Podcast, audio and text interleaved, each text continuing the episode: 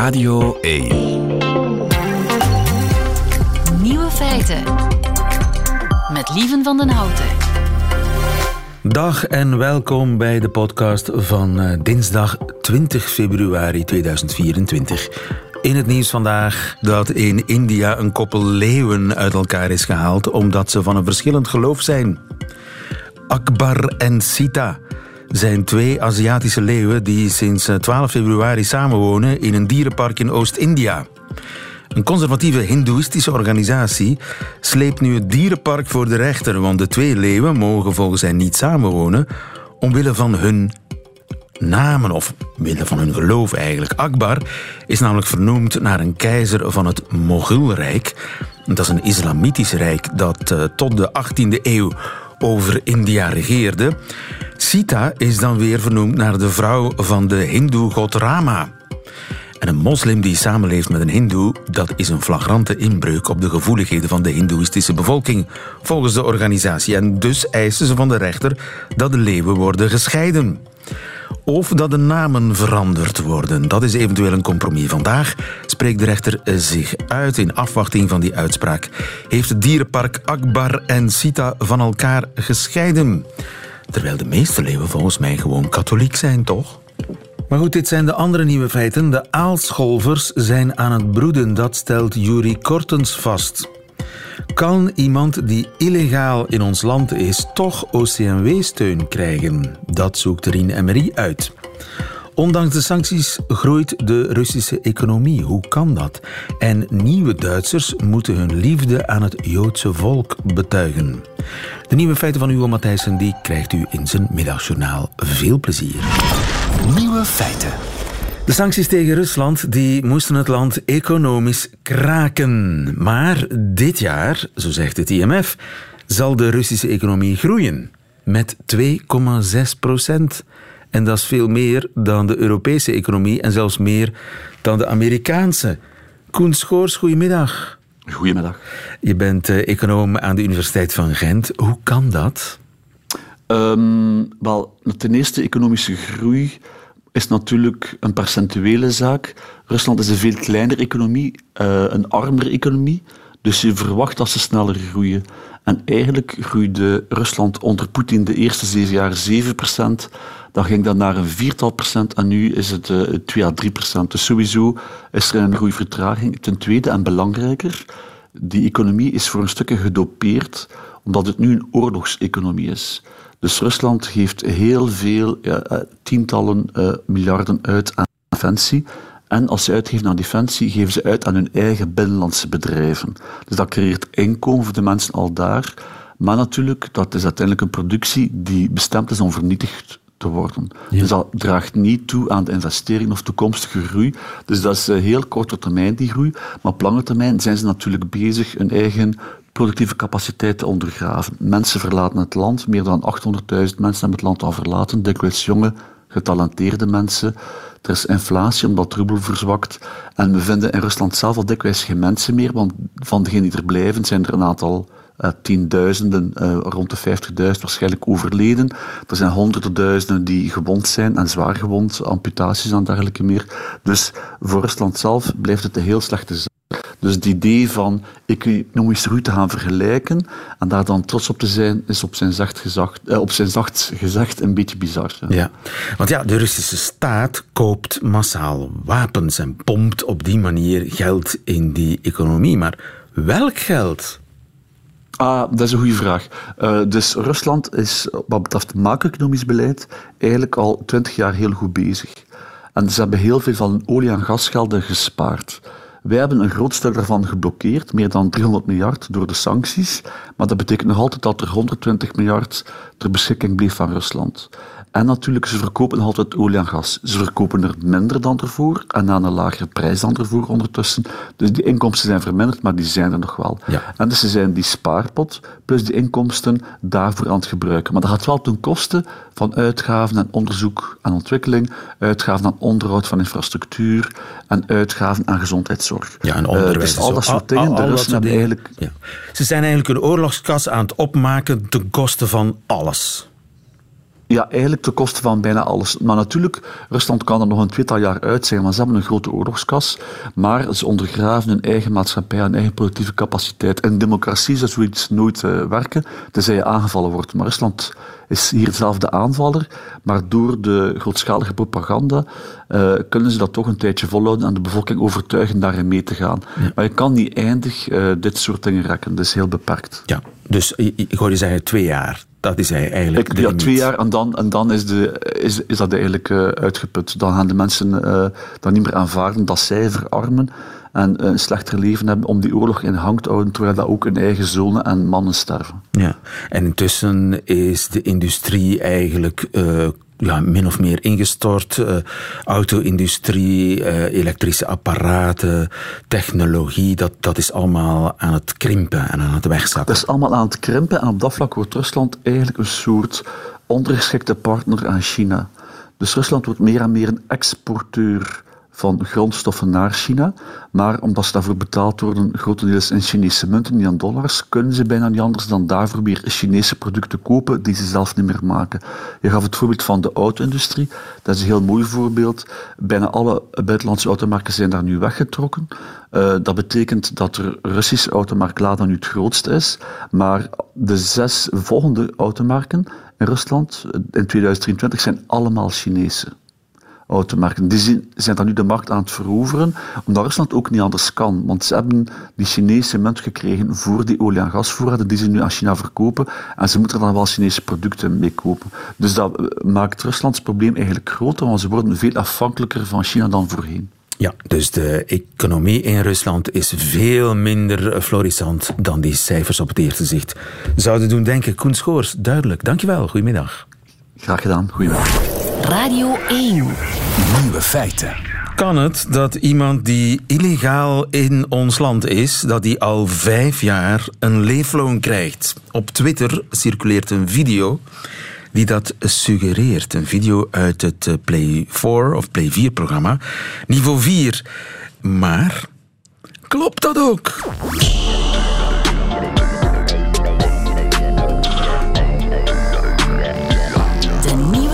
Feitenchecker. Rine Emery, goedemiddag. Goedemiddag. Onze nieuwe feitenchecker. Hoi.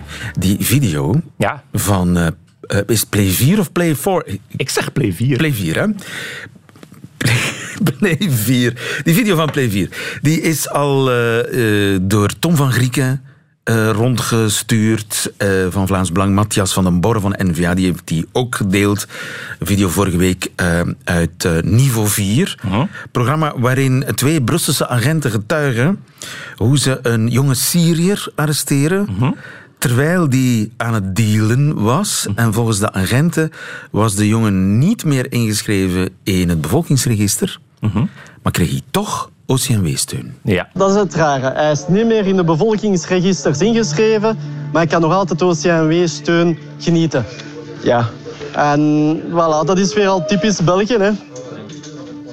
Sinds vijf jaar en een half. Hè. Vijf jaar en een half. Hè. Hij heeft ooit bestaan, nu officieel niet meer, maar hij krijgt nog altijd geld uh, van u en ik. en hij houdt hem bezig met dealen. Prachtig. Hij deelt, hij woont hier officieel niet meer en hij krijgt toch OCMW-steun. Klopt dat? Dat is het verhaal dat... Dat was jouw opdracht? Dat was mijn opdracht. Ik heb het, ik heb het uitgezocht. Ik heb Aha. Het, ja. Um, het is inderdaad een stukje uit, uh, uit niveau 4, waar men uh, ja, met een cameraploeg allerlei agenten van de nabijheidsteams vaak ook volgt in, uh, in Brussel-Zuid, die heel veel straatdeals, drug, drugdealers van straat halen. Goed werk. Dus dat is in elk geval authentiek? Dat is zeker. Men had heel veel cannabis gevonden en geld op de, op, op de persoon van, van die jongen die opgepakt is. Um, maar de voice-over van het programma omschrijft die jonge straatdieren die opgepakt worden als illegaal, illegaal in het land.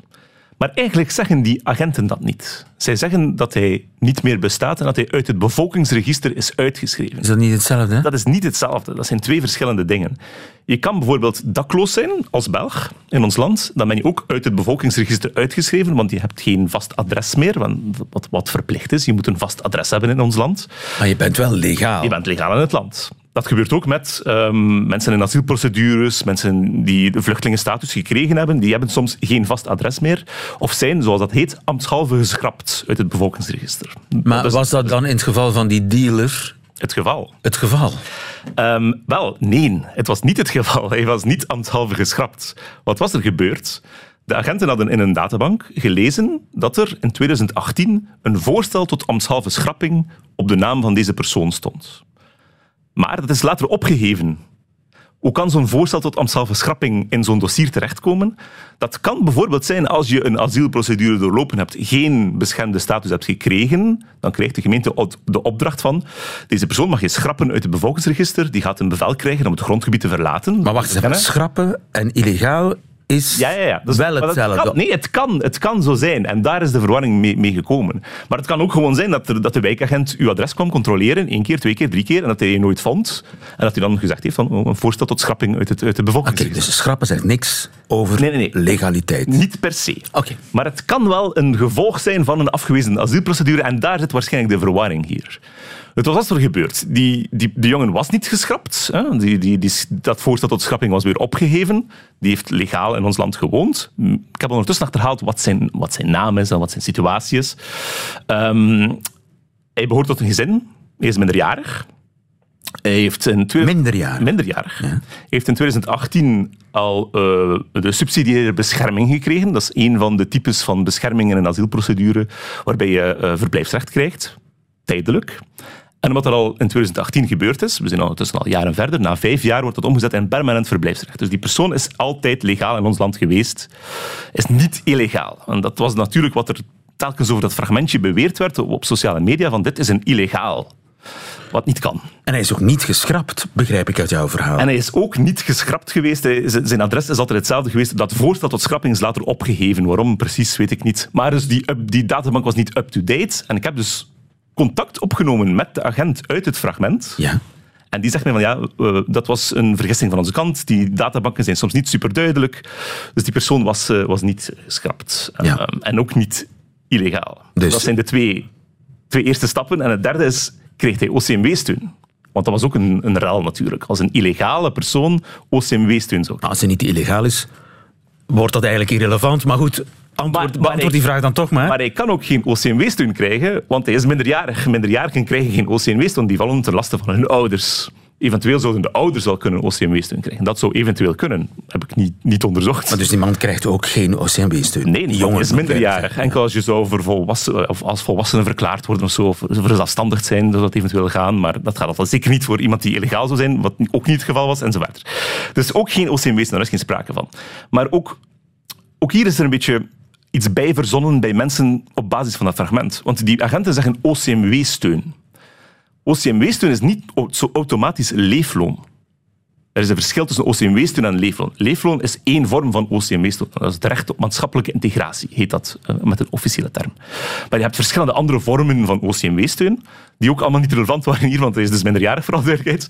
Maar het had eventueel gekund, en daarom hebben we het, ook uitgezocht, hè. het had eventueel gekund dat hij in onwettig verblijf was, wat, wat illegaal is uh, in de volksmond. Uh, iemand in onwettig verblijf kan in heel uitzonderlijke gevallen toch een leefloon krijgen als het iemand is die in een soort overmachtssituatie zit. Het zij medisch voor zichzelf, het zij door de situatie in het land waar hij vandaan komt. Zelfs als hij geen asiel gekregen heeft, dat hij toch niet kan verwijderd worden uit het land en hier vastzit dan is het al gebeurd dat, uh, dat een OCMW zegt van we gaan u toch een leefloon geven. Dus het had eventueel wel gekund in een bepaald Dus het had waar kunnen zijn. Het had waar kunnen zijn, zoals het zo vaak gaat. Uh, maar dus uh, al zeker niet omdat, het, omdat er allerlei voorwaarden zijn voor OCMW-steun. Zeker voor een leefloon, waaronder dus meerderjarigheid en waaronder dat je moet in een wettig verblijf zijn. Ja, maar het kan zijn dat iemand die het land uit moet toch een leefloon krijgt. Ja, in heel uitzonderlijke gevallen kan het. En ook een ander type OCMW-steun, namelijk de dringende medische hulp. Als je, eh, als je illegaal in het land bent, dat is onwettig verblijf... dringende medische hulp. Dat is, dat is, dringende medische hulp wordt dan ten laste van het OCMW gelegd. Ja, Dat is, dan ook een type geen, dat is geen leefloon. Dat is geen leefloon, hè? maar dat is ook wel een type OCMW-steun. Dus dat, dat, dat, was het hele traject dat ik heb moeten uitzoeken van over welke OCMW-steun had ja, ja, Je hebt het nog altijd helder, je hebt het nog altijd scherp. Oké, goed. Um, Dus ja, eh, het probleem zit misschien... Het probleem zit dus bij een verwarring bij de agenten in, in, in kwestie, die dan nogal forse uitspraken doen daarover, maar... eh, Maar wacht eens, even, ik heb nog één ding niet helder. Dus Ja. het kan zijn dat iemand die illegaal is in Ja, ons land, ja. dat die medisch geholpen wordt door het OCMW. Dat kan. Als hij ligt dood te bloeden op de, op de stappen van het Maar ziekenhuis... kan het ook dat hij een inkomen krijgt? Een leefloon dan? Een leefloon. Iets om van te leven. Als het iemand is die een bevel heeft om het grondgebied te verlaten, maar hij kan het grondgebied niet verlaten, omwille van zijn medische toestand bijvoorbeeld, of omwille van het land waar hij zogezegd naar terug zou moeten, dan kan het ook eventueel. En het kan ook in het geval dat je een erkende staatloze bent. Dat is nog een heel specifiek geval. Er zijn al arbeidsrechtbanken die OCMW's veroordeeld hebben om erkende staatlozen toch een leefloon Juist. te geven. Maar in dat geval is dat niet een tussen aanhalingstekens typisch Belgische situatie Nee, nee, nee, waarbij nee. diensten niet met elkaar communiceren. Dat is dan doelbewust. Voilà. Ik heb al heel veel bijgeleerd over de zeer ingewikkelde systemen en verschillende statuten die bestaan. En het wordt vaak allemaal op één hoopje gegooid. Illegale met leefloon. Iedereen die een klein beetje OCMW-recht kende, wist van dit kan pas in zeer speciale gevallen kloppen. Ook omdat men wel zei in het fragment zelf dat het een minderjarige was. Maar had hij kunnen weten dat het niet klopte. Of men had een beetje onderzoek kunnen doen voor men het deelde. Met het verhaal van dit is een illegaal met een leefloon. Wat niet het geval was. Dankjewel, onze feitenchecker Rien Emery. Tot volgende week.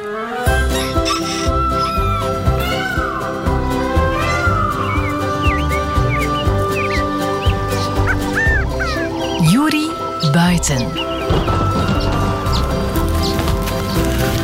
Met Juri Kortens.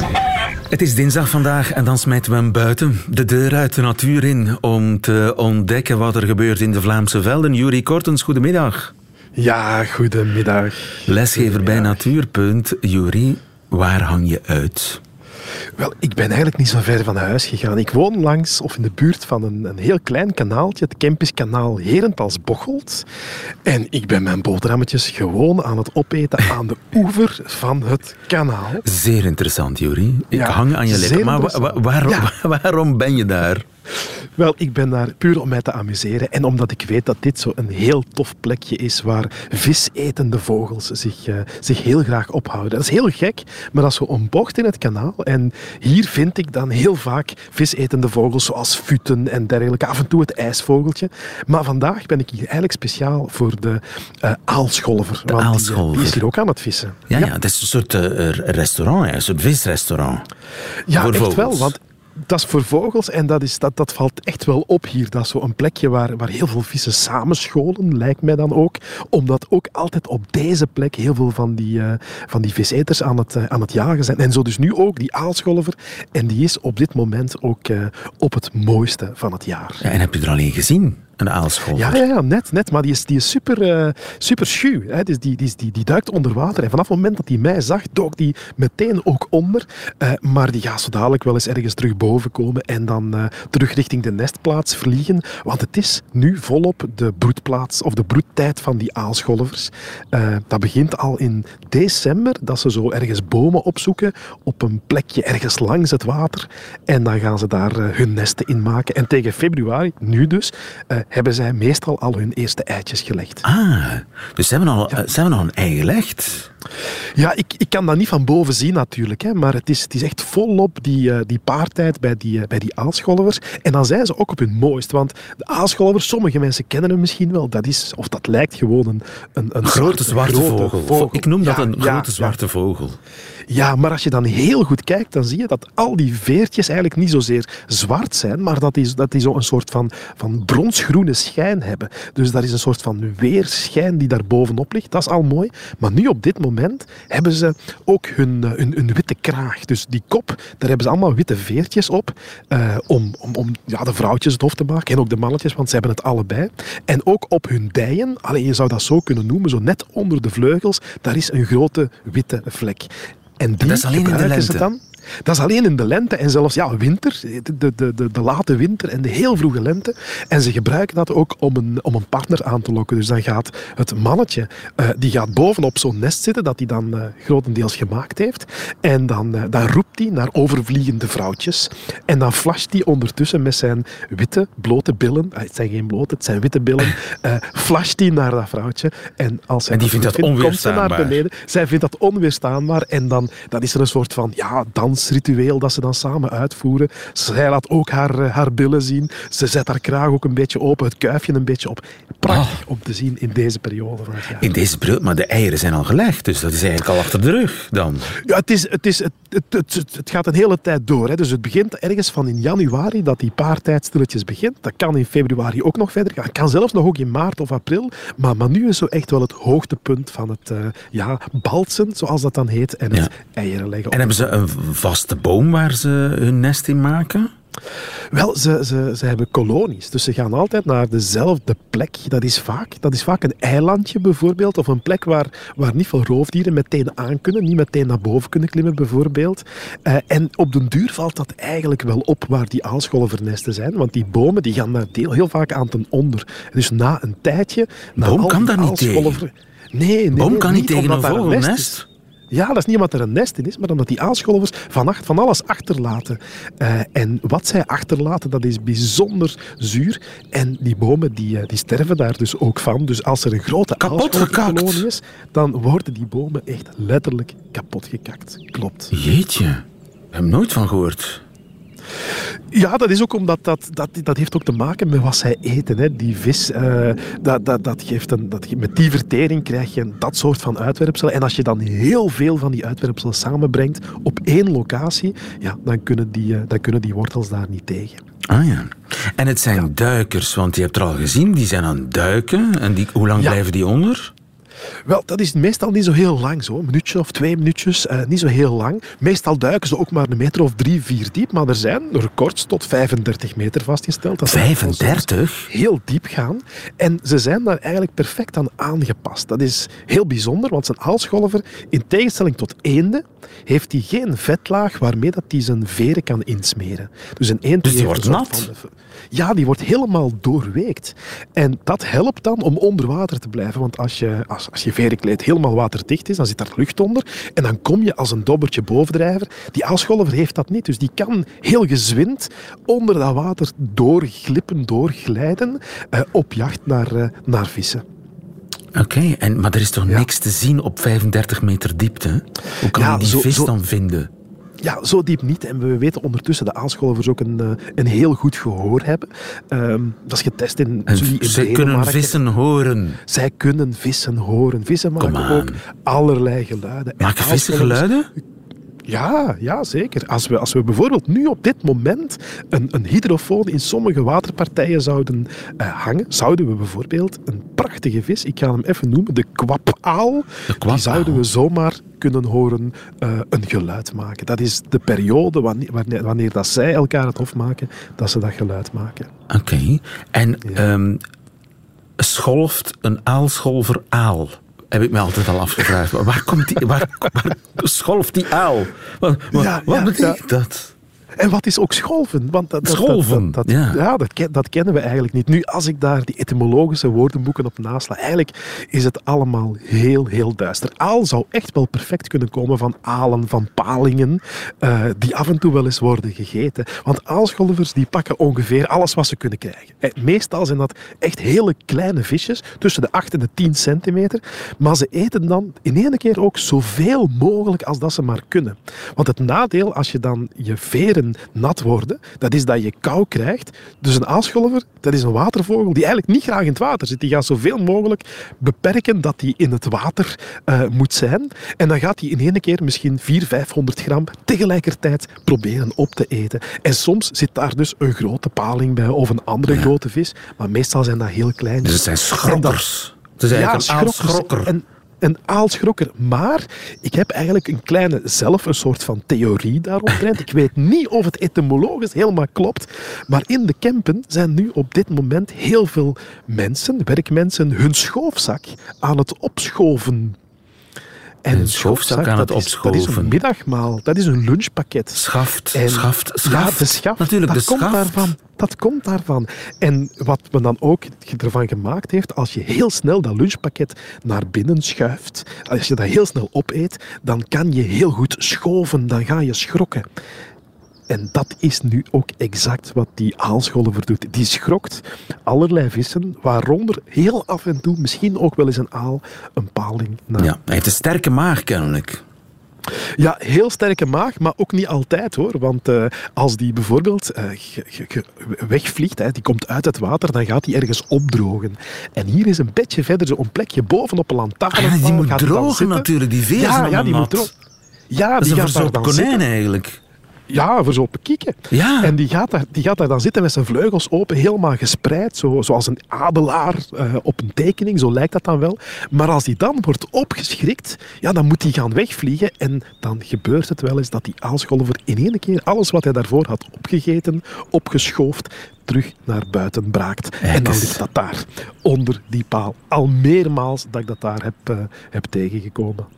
Ja, ja, want er is dus een paal, je, je heeft een vaste paal waar je op zit. Ja, dat zijn van die vaste verlichtingspalen waar die heel, heel graag zitten.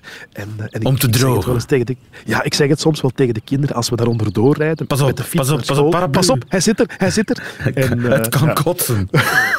het, kan wel eens, uh, het kan wel eens naar buiten komen. Maar het leuke is wel, dan zie je heel mooi wat die ook effectief eet. En dat blijken ja, grotendeels kleine visjes te zijn tussen de 8 à 10 centimeter. Ja. En gaat het goed met hem? Wel, redelijk goed, ja. Want die aalscholver die was eigenlijk verdwenen uit, uh, uit, uit Vlaanderen. Net na de Tweede Wereldoorlog heeft men helemaal verdelgd. Men heeft die afgeschoten, vergiftigd, bomen omgehaakt waar die nesten in maakten. Want men zag, oei, die eten ook vissen en, en dan hebben wij er minder. Eh, maar dan is die vanaf de jaren negentig teruggekomen. En dan is dat aantal broedgevallen enorm hard gestegen tot zo ongeveer 2010. En nu is dat gestabiliseerd en Ja. neemt dat zelfs weer terug een klein beetje af. Maar algemeen kunnen we dus wel zeggen dat die aalscholver terug is van weg geweest eh, en zijn plekje in de natuur weer eh, helemaal heeft opgeëist. Ja, en dan vooral broeden neem ik aan in een natuurgebied. Heel vaak, ja, hier vlakbij is er zo'n plekje. Hè. De Zegge, dat is zo een van die, uh, van die oudste natuurgebieden van het land. Uh, met veel waterpartijen en ook uh, bomen daarlangs.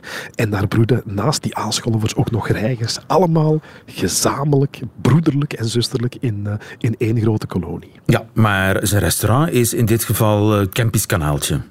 Ja, dat is een hele goede plek. Daar, uh, daar zitten heel veel, uh, heel veel vissen. Maar zo zijn er best diverse plaatsen en in, in, in heel Ja. Vlaanderen waar ik uh, kan uh, aalscholvers gaan uh, spotten. In principe kan je die overal zien, want we zitten met, ik dacht, dat is van een 2000 bloedparen in, in Vlaanderen. Dat is niet zo gigantisch veel, maar eigenlijk kan je die overal verspreid op, op waterpartijen wel eens gaan tegenkomen. En deze dagen vooral letten op de witte vlekken op de dijen.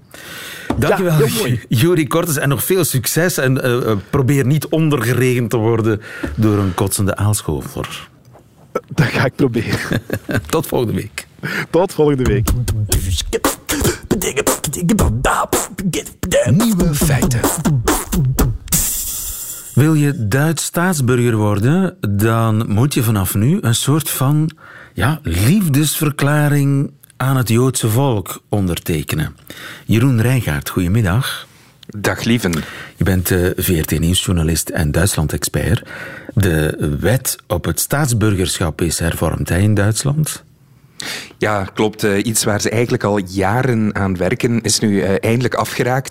Het komt er eigenlijk op neer dat in Duitsland de dubbele nationaliteit in de toekomst mogelijk moet zijn. Dat kon nu pas ja, in, in heel uitzonderlijke gevallen.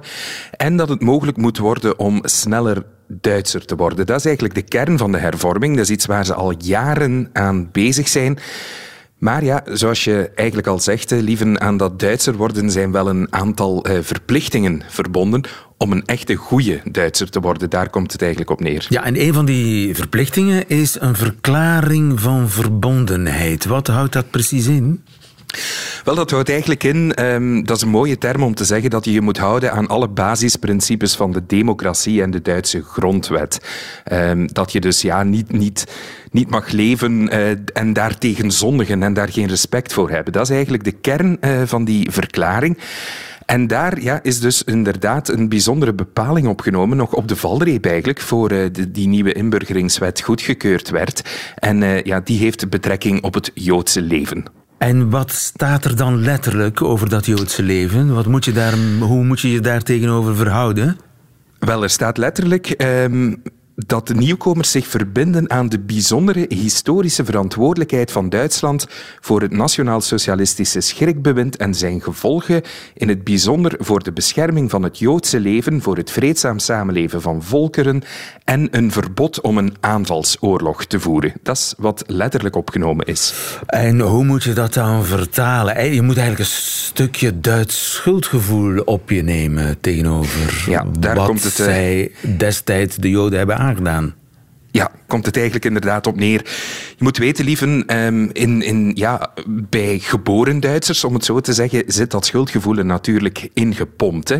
Eh, zij krijgen, en ik durf het niet uitdrukken, in honderden uren les op school, bewustwording ja, over wat het land in de geschiedenis gedaan heeft. Dus vandaar ook dat je daar dat heel andere denken hebt uh, als het over, over het Jodendom en over Israël ook gaat, uh, bijvoorbeeld. Dus zij krijgen dat mee, zij krijgen dat letterlijk met de, of, of zij krijgen dat zo goed als met de paplepel ingegeven. Ja.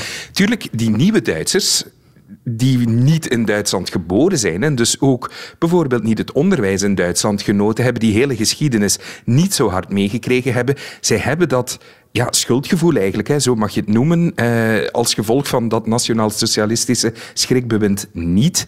En daarom moeten ze dus verklaren dat ze, ja, dat ze zich daar wel gaan aan houden alsof ze het wel hebben meegekregen. Daar komt het op neer. Ja, en heel wat van die nieuwkomers komen precies uit het Midden-Oosten waar ja, anti-Israël gevoelens redelijk gangbaar zijn. Hè?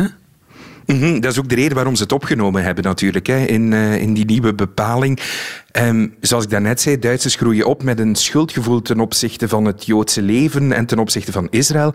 Zoals je aangeeft, hè, mensen die uit Arabische landen komen, ja, die, die komen dikwijls uit het omgekeerde natuurlijk. Hè. Die zijn opgegroeid met Israël is de schuld van alles, uh, in tegenstelling tot, tot ja, waar je in Duitsland mee opgroeit. En daarom hebben ze dat dus wat uh, ingewerkt. Het heeft ook te maken natuurlijk met recente ontwikkelingen. Hè. Toen de, vlak na de inval van Hamas in Israël en dan de Israëlische reactie volgde, vlak daarna zijn er in Duitsland verschillende manifestaties geweest waar ook uh, Hamas-vlaggen gedragen werden, waar zeer uh, anti-Israël uh, slogans als, als Israël-moordenaar geschreven werden. Dat hebben we in Brussel ook gehoord, dat hebben we overal in Europa gehoord. Maar ja, in Duitsland lag dat natuurlijk een pak gevoeliger. En ja, om dat dus te vermijden, dat zal je niet zo snel van, van geboren Duitsers horen, dit soort slogans en dit soort betogingen en Hamas-vlaggen. Ja, om dat te vermijden, dus willen ze dat extra inbouwen. Wat mij wel opvalt, Jeroen, in die verklaring van verbond heb ik niet gehoord de erkenning van de staat Israël. Dat staat er niet in. Nee, uh, niet letterlijk. Het was, uh, het was een vraag van de oppositie eigenlijk, uh, van de CDU-CSU, dus de Christen-Democraten, om dat er wel in te zetten. Dat staat er inderdaad niet in, maar er staat wel op drie manieren in dat ze historische verantwoording moeten nemen voor de nazi's en dus ook voor het, of liever om het Joodse leven te beschermen. Nu ja, goed, als je in je opvattingen het Joodse leven moet beschermen, ja, dan erken je natuurlijk ook het bestaan Impliciet van de staat Israël. Het bestaan voilà. van de dus, staat dus uh, het staat er niet letterlijk in. Dat wouden dan de ja, meer linkse regeringspartijen, hè, want de regering is linkser dan de oppositie, die wouden dat daar niet zo specifiek uh, in zetten. Maar goed, ja, als je het Joodse leven beschermt, dan is het inderdaad vrij duidelijk. Hè. Ja. Nu, uh, zal dit werken? Wat zal hiervan concreet het resultaat zijn? Ja, dat zullen we natuurlijk moeten afwachten. Um, je kan iemand niet verplichten om zich schuldig te voelen en je kan iemand niet verplichten, ja, zoals het in het leven algemeen is, om iemand graag te zien natuurlijk. Hè. Uh, je kan dat wel in de bepalingen zetten. Wat wel voorzien is, is als blijkt dat iemand zich niet aan de grondwet houdt, uh, dat hij opnieuw zijn Duits staatsburgerschap kan verliezen de eerste tien jaar. Dus er is toch een soort zekerheid ingebouwd. Alleen, ja, hoe ga je dat in de praktijk gaan toepassen? Hè? Ja. Je kan je nog voorstellen als iemand met een Hamas-vlag rondloopt en, en, en ja, dood aan Israël en, en al zijn inwoners zegt, dan kan je je nog wel voorstellen als je die oppakt, dat je die op die manier zou kunnen gaan bestraffen. Maar voor de rest ja, kan je natuurlijk geen gedachtenpolitie uh, uitvinden natuurlijk. Hè? Ja, en zal het ook mensen tegenhouden om dat Duits staatsburgerschap aan te vragen? Goh, dat... Uh, dat is maar de vraag. Ik zie dat niet onmiddellijk uh, gebeuren. er is ook wel heel veel voordelen natuurlijk aan dat eh, Duits staatsburgerschap. Hè. Ehm, het is ook maar een kleine bepaling van al die hervormingen die ingevoerd eh, zijn. En die hervormingen die zijn er natuurlijk op gericht om, om gastarbeiders en, en eh, mensen makkelijker aan te trekken om naar Duitsland te komen. Dus een echt afschrikeffect eh, zal, het, zal het niet zijn, denk ik. Ehm, de meeste dingen natuurlijk die daarin staan, in die nieuwe bepaling, zijn natuurlijk zaken waar je je standaard moet aan houden als je in een land gaat wonen. Hè. Of je nu de Duitse nationaliteit krijgt of niet. Je moet je aan de grondwet en je moet je aan een aantal principes houden. Dus ik denk niet dat dat het grote verschil gaat maken. Ja, maar je moet je volledig inburgeren en dus ook de historische schuld van Duitsland tegenover de Joden mee op je nemen. Duidelijk, Jeroen Rijgaard, dankjewel. Goedemiddag. Goedemiddag nog. Nieuwe feiten. En dat waren ze meteen de nieuwe feiten van vandaag, dinsdag 20 februari 2024. Alleen nog die van Hugo Matthijssen, die krijgt u nu in zijn middagjournaal. Nieuwe feiten.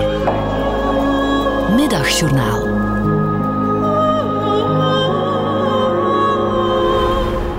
Goedemiddag.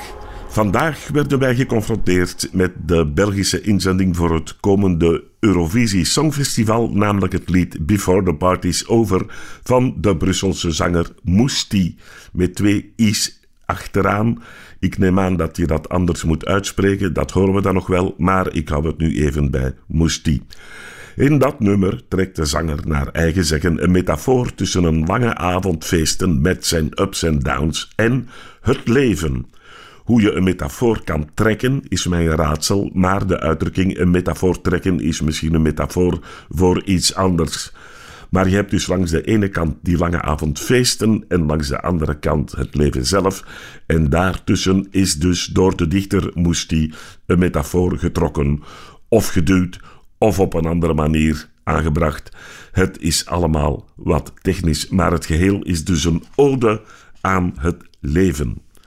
Wij Vlamingen, wij hadden al een ode aan het leven, maar dat wisten die Brusselaars natuurlijk niet. Namelijk, het leven is mooi van Wiltura. Wat een dramatisch nummer. De zanger heeft meteen in de openingszinnen al een ernstig ongeval. De tekst gaat zo. Een ongeval is zo gebeurd, een botsing, een knal, al mijn dromen verscheurd. Dat is duidelijk. Maar zijn hart bleef intact, zo zingt hij even later opgelucht. Het ongeval gebeurde s'nachts. In slaap gevallen achter het sturen, dronken tegenlier, overdreven snelheid en een rijplek op de weg. We komen het niet te weten. Waarschijnlijk was de verkeersdeskundige nog bezig met zijn verslag toen het nummer werd geschreven. Het is een nummer dat vragen blijft oproepen. Maar nu terug naar onze nieuwe held Moesti. Die pakt het textueel helemaal anders aan. Are you still playing the game or breaking the roofs? vraagt hij.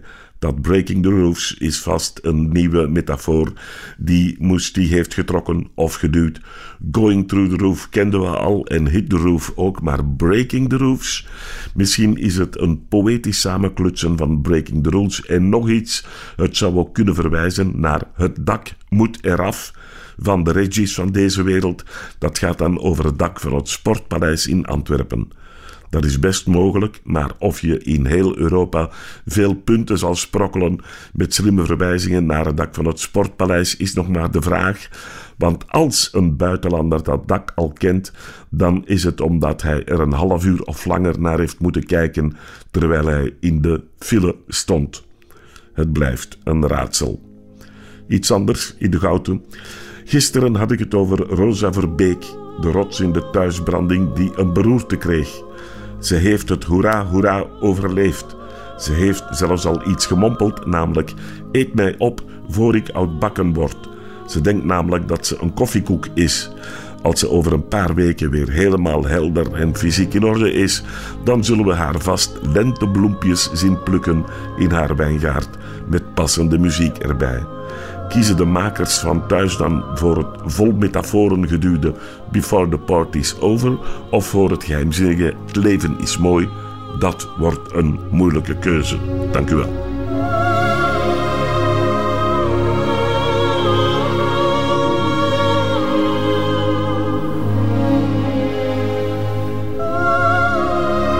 Hugo Thijssen voor commentator voor het Eurovisie Songfestival. Ik ben helemaal voor. Einde van deze podcast. Hoort u liever de volledige nieuwe feiten met de muziek erbij? Dat kan natuurlijk elke werkdag tussen 12 en 1 op Radio 1 live of uitgesteld in de app van VRT Max. Tot een volgende keer.